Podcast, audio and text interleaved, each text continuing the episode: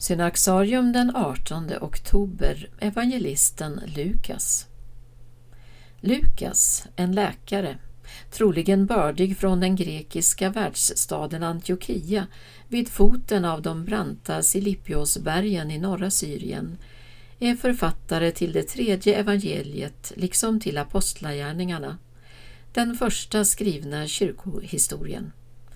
Han skriver skickligt och medryckande med en trovärdighet som kvalificerade hans skrifter att ingå i kyrkans kanon, Nya testamentet.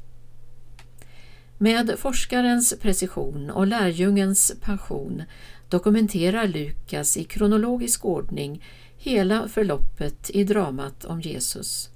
Från ängelns besök hos den omtumlade Maria i hennes kammare till glädjen som spricker ut i lärjungakretsen när uppståndelsens nya dag grytt. Av samma skäl nedtecknar Lukas en del av händelseutvecklingen under de första 30 åren efter pingsten. Varför skriver Lukas? Han ville att hans vän, evangeliets liksom apostlagärningarnas adressat, den nyomvände Teofilos, namnet betyder gudsvännen, skulle våga sätta sin tillit till det som skett. Omsorgen om Teofilos själ gör Lukas till kyrkans första historiekrönikör. Historiens roll är att ge andlig vägledning.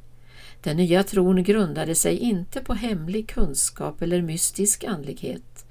Den vilade på händelser som utspelats vid vatten och på vägar och vars tillförlitlighet var och en som önskade kunde undersöka. De flesta av dem som varit ögonvittnen till det som hänt fanns ännu i livet och Lukas hade träffat flera av dem, troligen även Jesu mor. Han skriver ned sitt evangelium först efter att grundligt ha satt mig in i allt ända från början.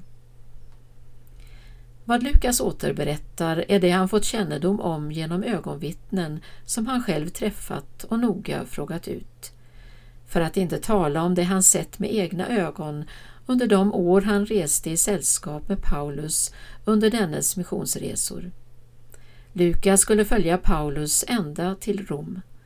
När aposteln sitter i husarrest i imperiets huvudstad skriver han ”Bara Lukas är kvar hos mig”. Mellan Paulus och Lukas uppstod en varm gemenskap.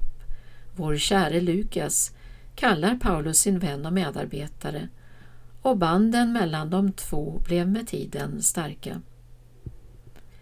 Bland evangelisterna är Lukas den som tydligast framhåller den helige Andes avgörande betydelse. Hur hela Jesu gärning är ett uttryck för Andens kraft, liksom hur den heliga Ande är kyrkans verklige ledare.